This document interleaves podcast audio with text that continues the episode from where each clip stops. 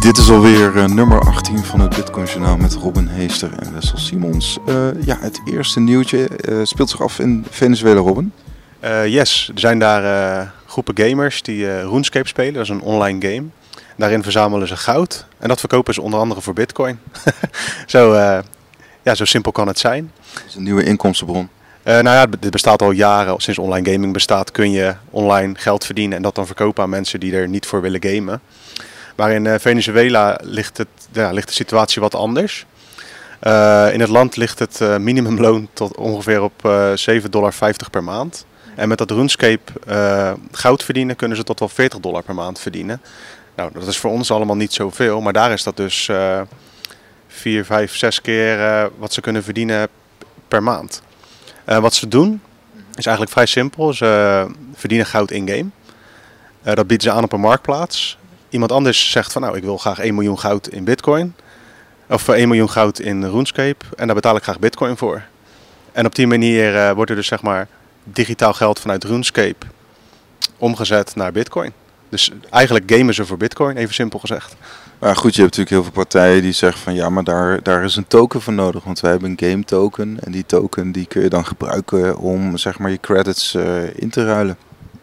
Ja, dat zal wel, maar uh, dit werkt op deze manier. En ik heb zo'n vermoeden dat een bitcoin waardevaster is dan een random token die dat eventueel faciliteert.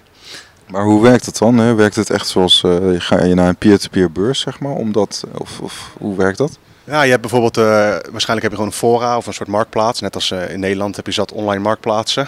Um, daar bied je het aan. Vervolgens zeg jij van, als ik als koper zeg van nou, ik, ik heb hier, ik heb graag 2 miljoen goud, wil ik graag hebben. Uh, daar bied ik 1, 1 dollar in bitcoin voor. Vervolgens gaat iemand daarmee akkoord.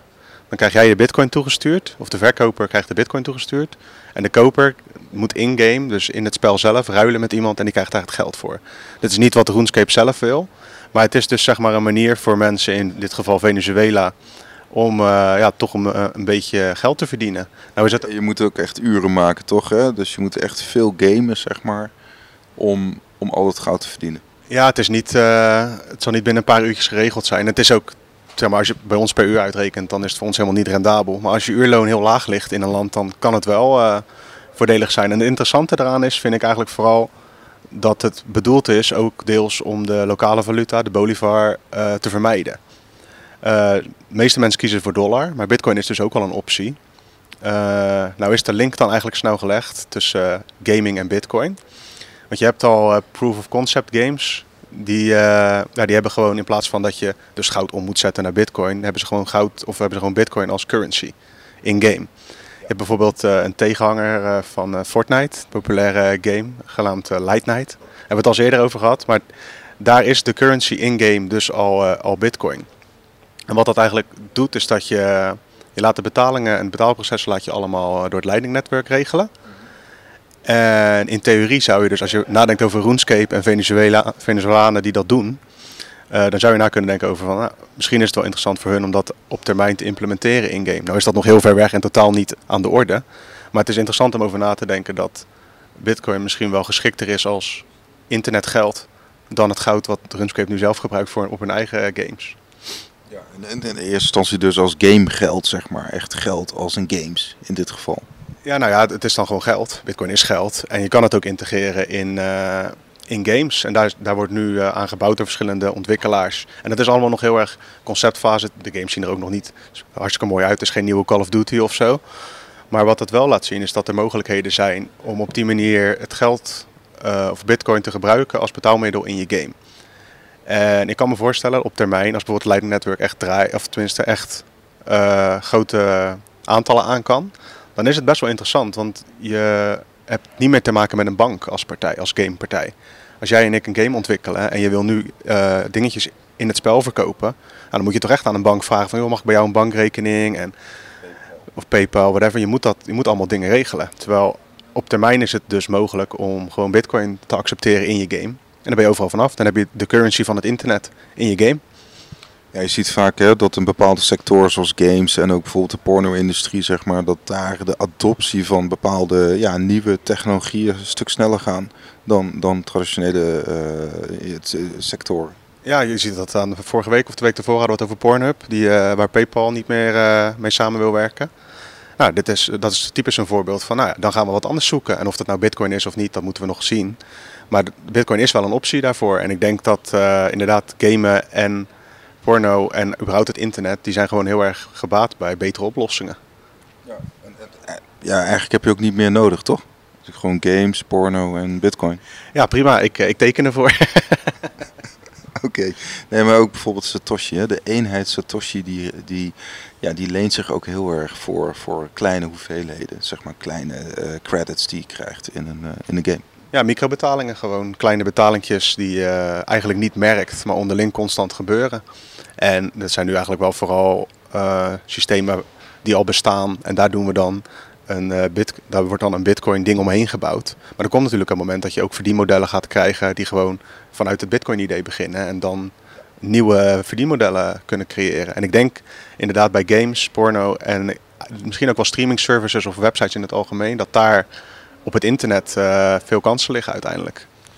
Ja, een van de bottlenecks is natuurlijk gewoon adoptie, zeg maar. Gebruikers er naartoe trekken. Zeg maar, iedereen uh, zit op Fortnite of Call of Duty. Dat heeft natuurlijk ook een, een, een soort netwerkeffect, zeg maar. Want je vrienden spelen erop of je hebt daar een competitie of whatever, e-sports. En dat eigenlijk zou je daar ook een soort, uh, weet je wel, challenges en zo moeten organiseren. Kijk, ik denk dat uh, voor nu, zeg maar, die Light is, ja, is geen concurrent. Dat is gewoon echt een uh, uitprobeersel. Het ziet er ook niet zo mooi uit en het werkt waarschijnlijk ook minder goed en blablabla. Bla, bla. Uh, maar het laat, laat zien dat er mogelijkheden er zijn. En wat jij zegt over bijvoorbeeld e-sports en toernooien. Hoe ideaal zou het zijn als je gewoon allebei 50 euro inlegt. Je gaat een potje knallen en het netwerk regelt de betalingen. Als je dat wil, als je toernooien wil spelen voor geld dan is dat veel makkelijker dan dat je een bank moet hebben, een toernooiorganisator en weet ik wat allemaal. In principe zou dat met een paar Bitcoin-adressen en een uh, leuk protocol heb je dat geregeld. Ja, want, want uh, kun je uitleggen hoe dat dan werkt? Uh, nou ja, in de praktijk zou je bijvoorbeeld kunnen denken aan. je hebt ook een game dat heet Bitcoin Bounty Hunt. daar kun je Satoshi-blocks verzamelen en die zijn dan Satoshi's waard, even simpel gezegd. Ja, je zou erover na kunnen denken, bijvoorbeeld, je gaat een toernooitje van 20 man doen. Je zegt, nou, iedereen legt 5 euro in. En degene die de Satoshi blocks inlevert, die krijgt, uh, die krijgt die waarde in Satoshis. Even simpel. Ja, bewijzen van. En uh, ja, dat is vooral nu spreken, het is gewoon uh, een beetje filosoferen. Maar het, die mogelijkheden zijn er, slash komen er. Ja. Jij zou zeggen, waarom, waarom is het er nog niet, zeg maar? Want... Nou ja, één, ik denk dat heel veel ga game-merken zich niet willen koppelen aan het merk Bitcoin. Hoe, hoe we het ook bent of keert in onze eigen bubbel hebben we er best wel een leuk mooi verhaal bij, wat het ook is, volgens mij. Maar buiten, de boze buitenwereld kijkt er toch een stuk anders naar. Die zien toch vooral uh, bijvoorbeeld de hacks, waar we het zo meteen nog even over gaan hebben. Ja. En de, de oplichtingspraktijken, en dat, dat koppelen ze allemaal aan bitcoin. En daarnaast... Um, ja, ze zitten ook vast aan bijvoorbeeld een Steam, hè, bijvoorbeeld. Ja, ja, exact. Je, je bent afhankelijk van allerlei dingen. Kijk, ik denk niet dat uh, dit soort ontwikkelingen gaan niet beginnen bij de grote uh, gameuitgevers. Die beginnen bij de hele kleintjes. En dan blijkt het een keer ergens heel goed te werken.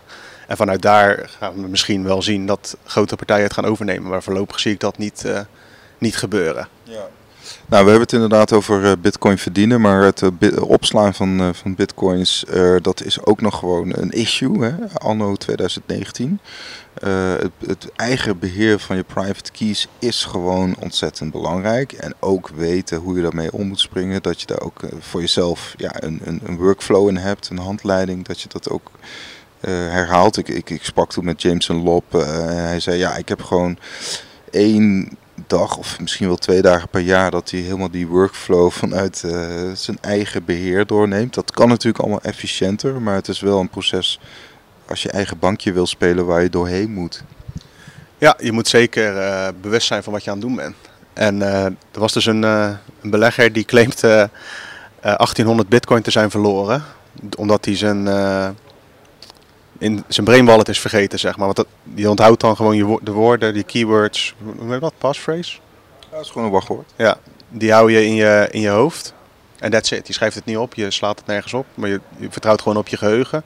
Ja, en hij claimt nu dat dat uh, verkeerd is gegaan, dus dat hij zijn, uh, zijn bitcointjes kwijt is.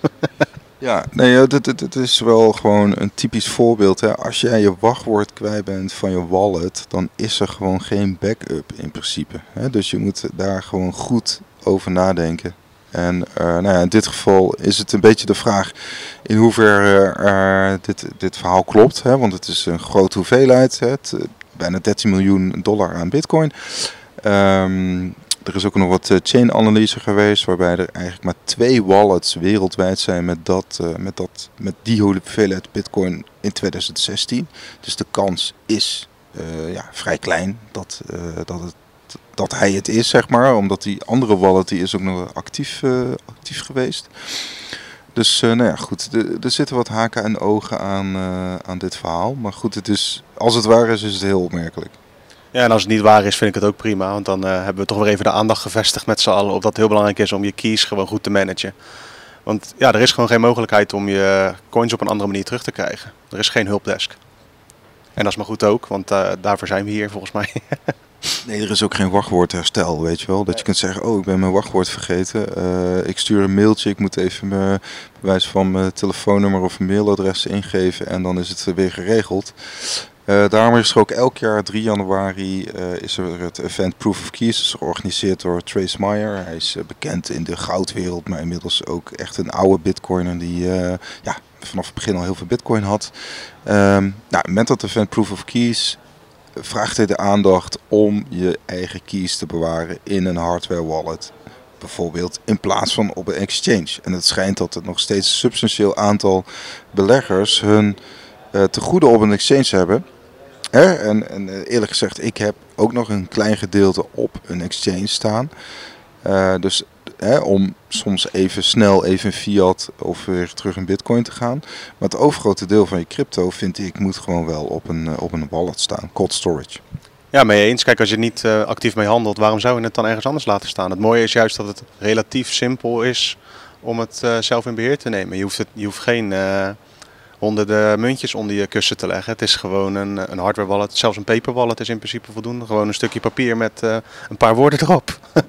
en dat is ook gelijk het probleem. Het is een stukje papier met een paar woorden erop. Dat kan je kwijtraken of dat kan verkeerd gaan. En daarom is het wel belangrijk, denk ik, voor iedereen. Om inderdaad in een routine te komen van. Zeker als, als je portfolio een bepaalde waarde gaat krijgen. Kijk, als je een paar honderd euro, dat kan sommige mensen trouwens heel veel geld zijn. Maar dan is het misschien minder, is het misschien minder aangelegen dan als je tienduizenden of nog meer uh, aan Bitcoin hebt. En ik denk dat het uh, ja, een goed initiatief is om op 3 januari met z'n allen even te checken of alles nog klopt. En daarnaast even de cryptobeurs te controleren of ze alle bitcoin die ze zeggen dat ze voor jou bewaren, of ze dat nog allemaal in kas hebben. Dus als iedereen al die bitcoin uh, eruit trekt, dan hoort dat gewoon te kunnen. Ja. Een kleine bankrun, zeg maar, hoort een cryptobeurs niet, niet kapot van te gaan. Nee, goed, want deze nieuwe wereld die pretendeert zeg maar, dat, dat men een soort van het beter geregeld heeft dan de gemiddelde bank. En als wij nu naar onze banken massaal zouden gaan, dan is het nog maar de vraag of we ons geld uh, kunnen krijgen, zeg maar. En direct.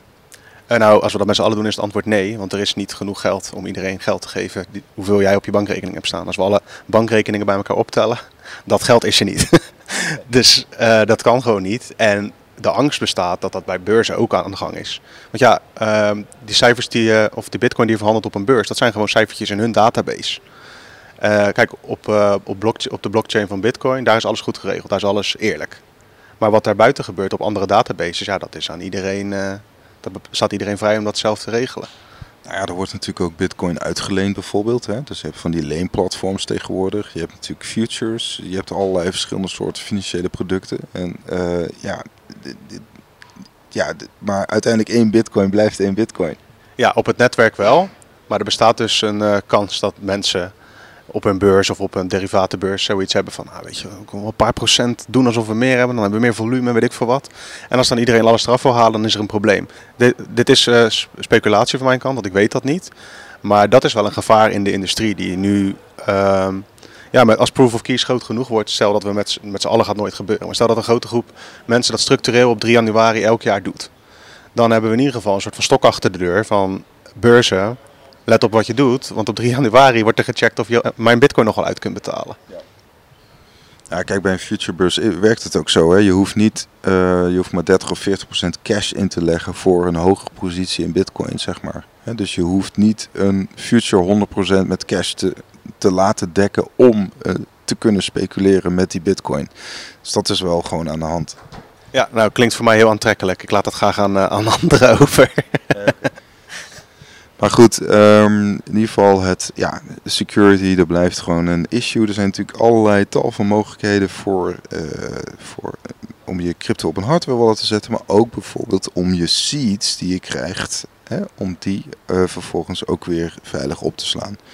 Ja, want dat, dat kun je doen uh, door je seeds inderdaad op een uh, papiertje te zetten, in de kluis te stoppen bij je thuis of bij een bank. Maar je hebt ook bijvoorbeeld uh, ja, andere partijen zoals CryptoSteel, CryptoTag of een aantal andere die dat dan weer aanbieden. Ja, je kan inderdaad denken aan om je seeds in een stukje metaal te, te proppen, zodat het in ieder geval tegen heel veel dingen bestand is. Maar ja, laten we dat aan iedereen zelf overlaten. Want ook Eigenlijk is de belangrijkste tip, vertel ook niet precies hoe je je bitcoin opslaat. Want daar ben je gewoon gevoelig voor als iemand daar kwaad mee wil. Ja. Nou, we hadden het net al een beetje over dat uh, het speculeren met bitcoin, dat is natuurlijk, uh, ja, van, dat gebeurt elke dag natuurlijk. En er komen steeds meer producten op de markt.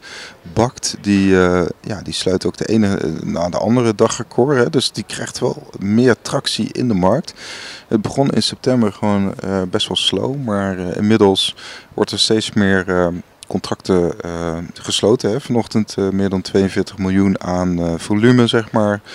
Was er woensdag 27 november. Dus dat was een nieuw, nieuw record. Ja, BACT is dus het, het moederbedrijf van BACT is de Intercontinental Exchange, de ICE. Of de ICE, ik weet niet hoe, je dat, hoe die afkorting uitspreekt. De ICE hoor ik. ja, dat is een van de grootste spelers op het gebied van aandelenbeurzen. Of beurzen in het algemeen. En die zijn niet gekomen voor de tweede plek. die gaan de Bitcoin future markt, die willen ze gewoon veroveren.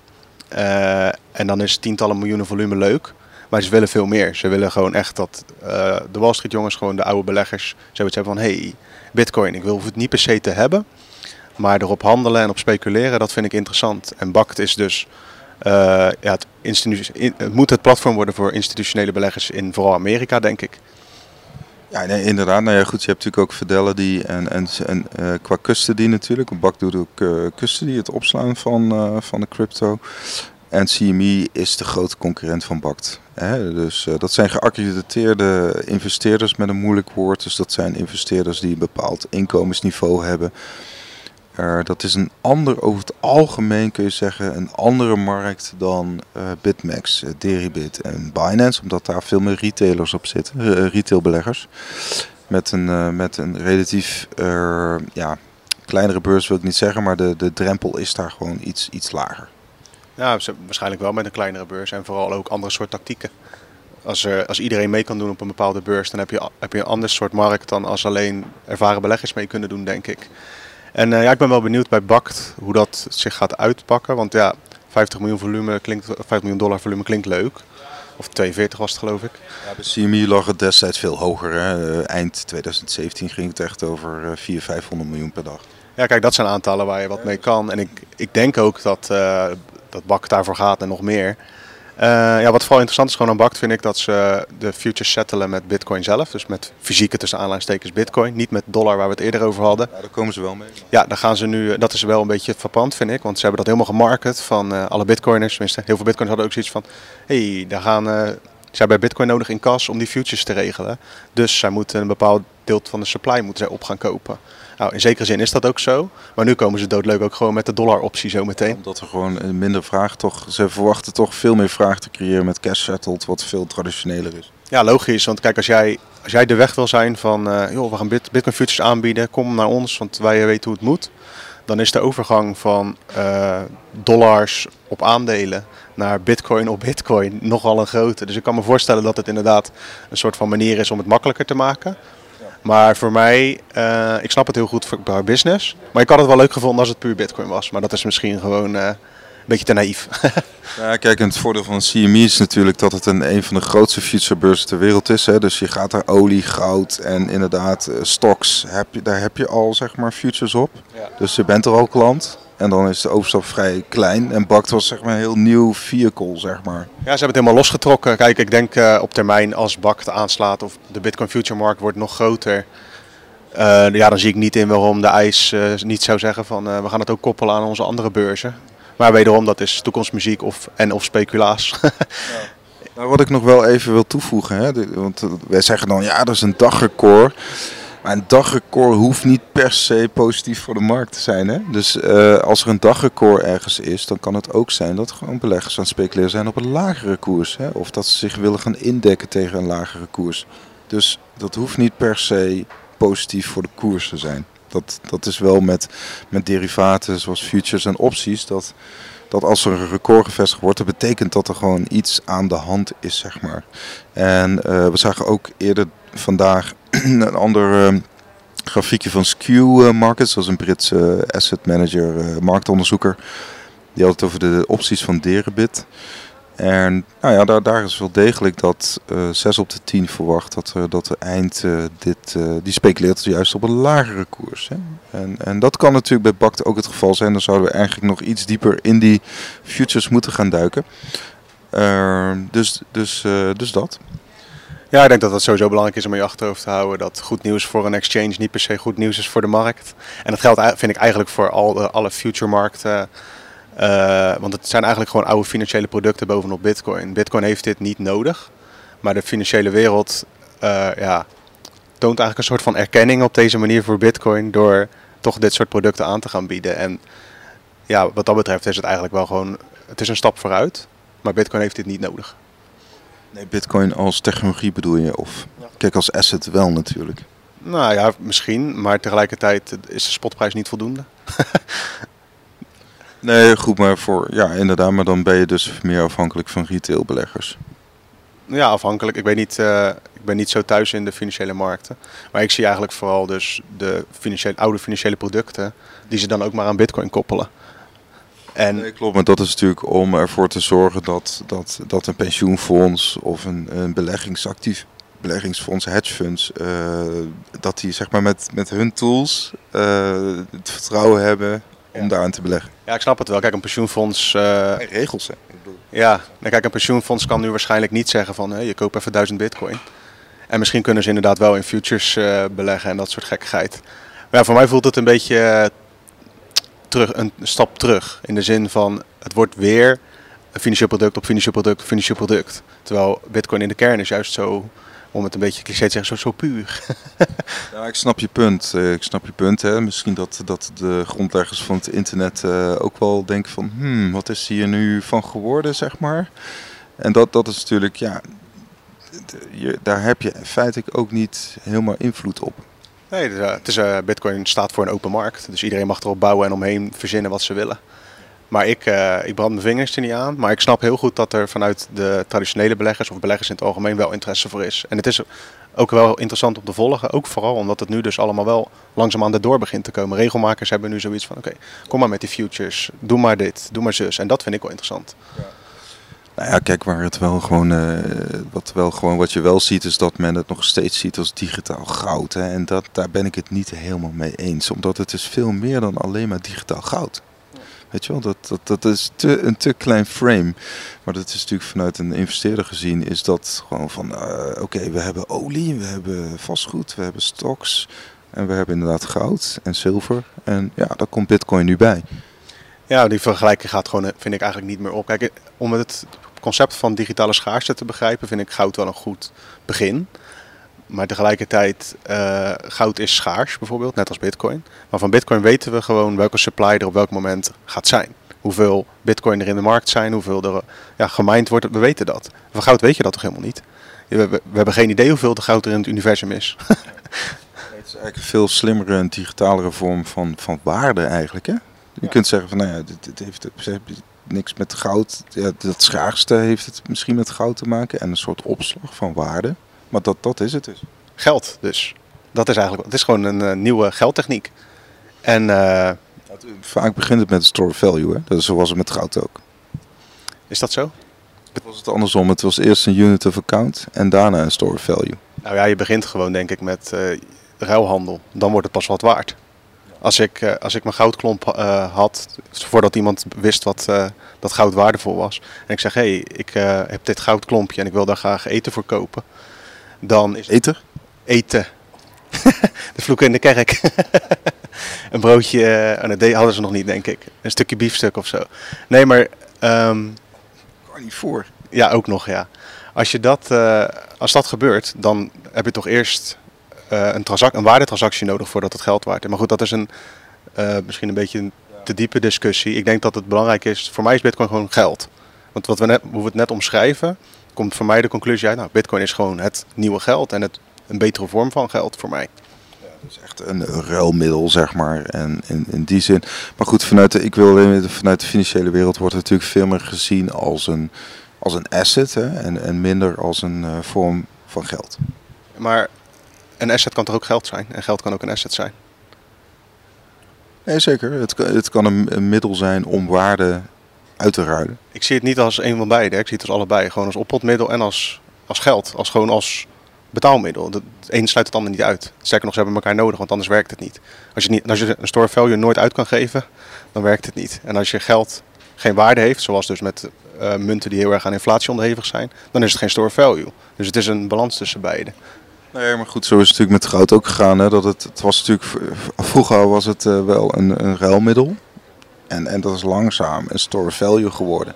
Ja, mede omdat we het gewoon uit hebben gefaseerd. We hebben gezegd van nou, onze, ons briefgeld kan je niet meer uh, inruilen voor, uh, voor goud. Dus dan wordt het alleen nog maar een store value. Want je kan er, laten we wel wezen, met een goudklompje kan je niet makkelijk betalen. Oké, nice. En je kunt het inderdaad ook niet via een satelliet uh, of via een radiogolf versturen zoals met Bitcoin wel kan. Uh, dan zijn we toch weer. Uh, we eindigen met een stukje techniek. er zijn een aantal onderzoekers uit New York, Parijs, die hebben een nieuw proof of work ja, algoritme bedacht op basis van fo fotonische chips. Dus niet op basis van elektronen, elektriciteit, maar op basis van licht zou je dus uh, bitcoins kunnen minen. Heel interessant idee. Ja, ze hebben een uh, whitepaper ge gepubliceerd waarin ze dat allemaal even goed uitleggen. Het is uh, Proof of Work X noemen ze het. even vooropgesteld, dit soort protocolvoorstellen zijn leuk, maar in de praktijk is het netwerk heel conservatief. Dus de kans dat dit er gelijk doorkomt is heel klein. Maar het is interessant om over na te denken. wat ze met die fotonische chips eigenlijk willen bewerkstelligen is dat het gewoon veel energie-efficiënter wordt om bitcoin te minen.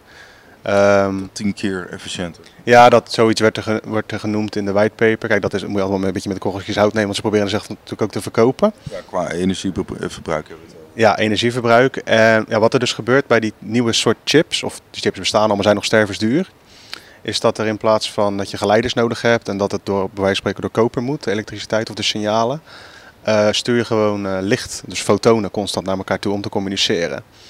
Uh, in de praktijk betekent dat dus dat je sneller kunt communiceren en dat er minder energie nodig is. Dat is in het kort wat het voorstel, of wat, waar zij mee zijn gekomen. En het idee is dus dat je uh, een decentraler netwerk krijgt als het mijnen op energieniveau goedkoper is. Want je ziet nu heel veel centraliteit op, in gebieden waar energie goedkoop is. China, Mongolië, Iran heb je bepaalde plekken, nou, noem het allemaal maar op.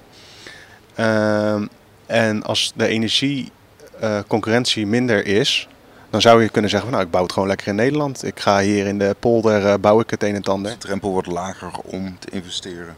Ja, omdat de energie, je hebt minder energie nodig om te beginnen. Kijk, in de praktijk moeten we allemaal nog maar zien hoe dat, als het ooit zover komt dat we dit gaan imp implementeren, uh, uitvalt. Heb je wel duurdere apparatuur nodig? Daarom, en dat is nu, dat is nu ook nog aan de hand, hè, want die chips zijn echt niet, niet te betalen volgens mij. Maar kijk, dat is over 10, 20 jaar is natuurlijk ook weer anders. De chips, computerchips of überhaupt technologie wordt altijd heel, is heel duur in het begin. Dan kan alleen de elite of early adapters ermee aan de slag. En uiteindelijk wordt het net, we zitten hier met een laptop voor ons. 10, 20 jaar geleden was dat niet te betalen. Had alleen het leger het. Om, en nu uh, heeft iedereen een laptop of in ieder geval een mobieltje in zijn zak. En ik denk dat dat met dit hetzelfde is. Ik vind het eigenlijk vooral interessant omdat er over nagedacht wordt. Dat er gewoon een voorstel wordt gedaan met een whitepaper en dat je dat kan lezen. Um, ja, mining is natuurlijk nog steeds een soort, uh, ja, nou ja, het klinkt misschien een beetje, het is geen grondrecht, maar het is wel een, een grondprincipe aan het hele, aan bitcoin, zeg maar. dat, dat, van een proof of work. Het is gewoon een principe. Ja, het is uh, misschien wel de, het is de basis, want zonder consensus-algoritme uh, heb je gewoon een probleem op het netwerk. En uh, daarom denk ik ook niet dat het snel erdoor komt. Omdat ja, je, gaat gewoon niet zo snel wat aanpassen als bitcoiner. Want je, met je eigen node bepaal je je regels, even simpel gezegd. Ik zie niet iedereen massaal overstappen. Wat ik wel zie, um, is dat je met die chips uiteindelijk wel een vooruitgang kan boeken. Want misschien kan het ook wel gebruikt worden zonder dat gekke nieuwe miningprotocol. Maar gewoon uh, fotonische chips in plaats van de chips die je nu gebruikt. dus dan... Misschien hybride vormen van, van ja. elektronen, fotonen. Kijk, dit is, uh, we zijn allebei niet echte tech-nerds, dus zover, uh, we kunnen niet te ver op ingaan. Maar ik denk bijvoorbeeld, als dit relevant is, dat een grote partij als Bitmain dit ook super interessant vindt. Nou ja, inderdaad, dat, het, het zijn zeg maar dat soort partijen die hiermee kunnen gaan, gaan experimenteren, weet je wel. Want het zijn ook de grote partijen die nog steeds de hash rate zeg maar een soort van bepalen, omdat die gewoon goedkope energie hebben. En die, die hebben een substantieel uh, deel van de rekenkracht nemen zij voor een rekening. Ja, en omdat ze de grootste zijn, verdienen ze ook meer geld. Dus het is een soort van, het gaat steeds, ze groeien steeds verder. Het is een uberkapitalistisch systeem. Ja, het is in zijn puurste vorm eigenlijk. Het enige waar je nog mee te maken heeft, eh, hebt is uh, lokale regels.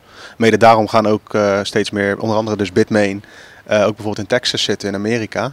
Niet omdat ze het nou eh, per se in Amerika willen, maar gewoon omdat daar blijkbaar de regels eh, goed genoeg zijn voor ondernemers om op te bouwen. Wat je dus in eh, China de afgelopen tijd hebt gezien met dat ze uh, honderden cryptobeurzen aan het sluiten zijn en gewoon veel strenger aan de gang zijn. Of dat nou goed of fout is, laten we even in het midden. Maar er verandert daar een hele hoop. En het, het, ondernemingsklimaat schijnt dus in Texas bijvoorbeeld een stuk beter te zijn, ook voor bitcoin miners. Ja, dat is eigenlijk een soort hedge tegen, tegen, tegen China. Ja, kijk, en stel dat je dus uh, dat het uh, energieverbruik uh, door 10 gaat, dan is het nog aantrekkelijker om in een land te gaan zitten waar de regels gewoon duidelijk zijn, dan in een land waar de stroom iets goedkoper is, maar je wel afhankelijk bent van, de, ja, van een bepaalde partij. Ja, want eh, weet je, een, gro een, grote mining farm is hetzelfde als een energiecentrale. Die moet je over een aantal jaren natuurlijk afschrijven. Dus je wil, ja, vijf à tien jaar wil je er sowieso wel zitten. Ja, het is gewoon een groot datacenter. En uh, kijk, de aankoop van een stuk grond, dat uh, kan elke rijke meneer of mevrouw kan dat regelen. Maar dan moet je datacenter neerzetten. Dan moet je infrastructuur bouwen met de juiste stroom en backups en batterijen. En wat als de stroom uitvalt, dan weet ik allemaal voor gekheid. En dat kost... Het land zal wel verlies zijn. Ja, nee, oké. maar dat kost in ieder geval klauwen met geld om dat eh, in eerste instantie in te stellen. En als je dan met je hele hebben en houden na een jaar moet verhuizen omdat uh, de baas van het land zegt van... Oh, we gaan inzetten op blockchain, maar wel alleen in onze eigen blockchain. Ja, dan heb je gewoon een probleem. Texas Chain. Ja, precies. Nee, maar het gaat dus meer over China in dit voorbeeld. Want Texas schijnt dus, of Amerika aan zich schijnt dus daar een stuk beter in te zijn. Daar weet ik het fijne niet van, maar ik kan me wel voorstellen dat het daar makkelijker ondernemen is dan uh, in China. Ja, dat was wel het interessante aan Hut Eet van Mark van der Seijs, dat hij, dat hij die mobiele mining containers heeft, die mobiele miners. Dus hij is in die zin minder afhankelijk van locatie. Tuurlijk, je moet ze wel verplaatsen, maar het is niet een, een fixed installatie. Nee, dus hij heeft gewoon een trolley en dan neemt hij ze allemaal mee het vliegtuig in of zo. ja, nice. Ja, maar dat is wel dat is zo gek dat je daarover na moet denken. Van, oh, maar tenminste gek. Van, hey, ik heb dit uh, zoveel infrastructuur, maar ik moet het weg kunnen, uh, ja, ergens anders neer kunnen zetten als de regels veranderen. Dat is geen fijne, uh, fijne omgeving om in te ondernemen. Hij had dat geld ook kunnen steken in meer miners. Het is nog wel een keer interessant, zeg maar, eh, als, als uh, cliffhanger om te kijken hoe zit het nou inderdaad met die mining costs. Hè? Want het, het is best wel een grote spread. Ik denk dat je hebt kleinere miners, grote miners. Je hebt van zoveel variabelen ben je afhankelijk. Ook van regels natuurlijk. Moet je weer op zoek naar een nieuw energieregime. Uh, dus het is, ja. Zet je ons nou huiswerk te geven zo aan het einde van de podcast? je moet er wat te doen hebben. Hey, fair enough. Ik vind dat een mooie. Misschien kunnen we daar volgende week op terugkomen. Uh, ja, en dat was hem voor, uh, voor deze week. bedankt voor het luisteren. Wil je op de hoogte blijven? surf vooral naar bitcoinmagazine.nl. Check onze socials op Twitter, Instagram, LinkedIn, YouTube. ja, deze podcast luister je waarschijnlijk op Spotify, maar we hebben ook Anchor. We zitten ook op YouTube met deze podcast. En ja, tot de... Oh, en tot de volgende, wilde ik zeggen. Maar jij wilde nog wat tussen proppen? Nou, ik dacht die Hub Bitcoin, hè, die uh, is ook wel leuk als, uh, als mensen daar gewoon uh, naar luisteren. Waarbij we gewoon iets meer ingaan op het Bitcoin-ecosysteem, met name ook het Lightning-netwerk. je hebt, onlangs heb je Joost Jager gesproken, dus ik vond het super interessant om, om te luisteren. Yes, ja, dat vind je dan gewoon door Hub Bitcoin in te tikken op al je podcastplatformen en op YouTube. En dat was hem wel, denk ik. Later. Oké, okay, doei.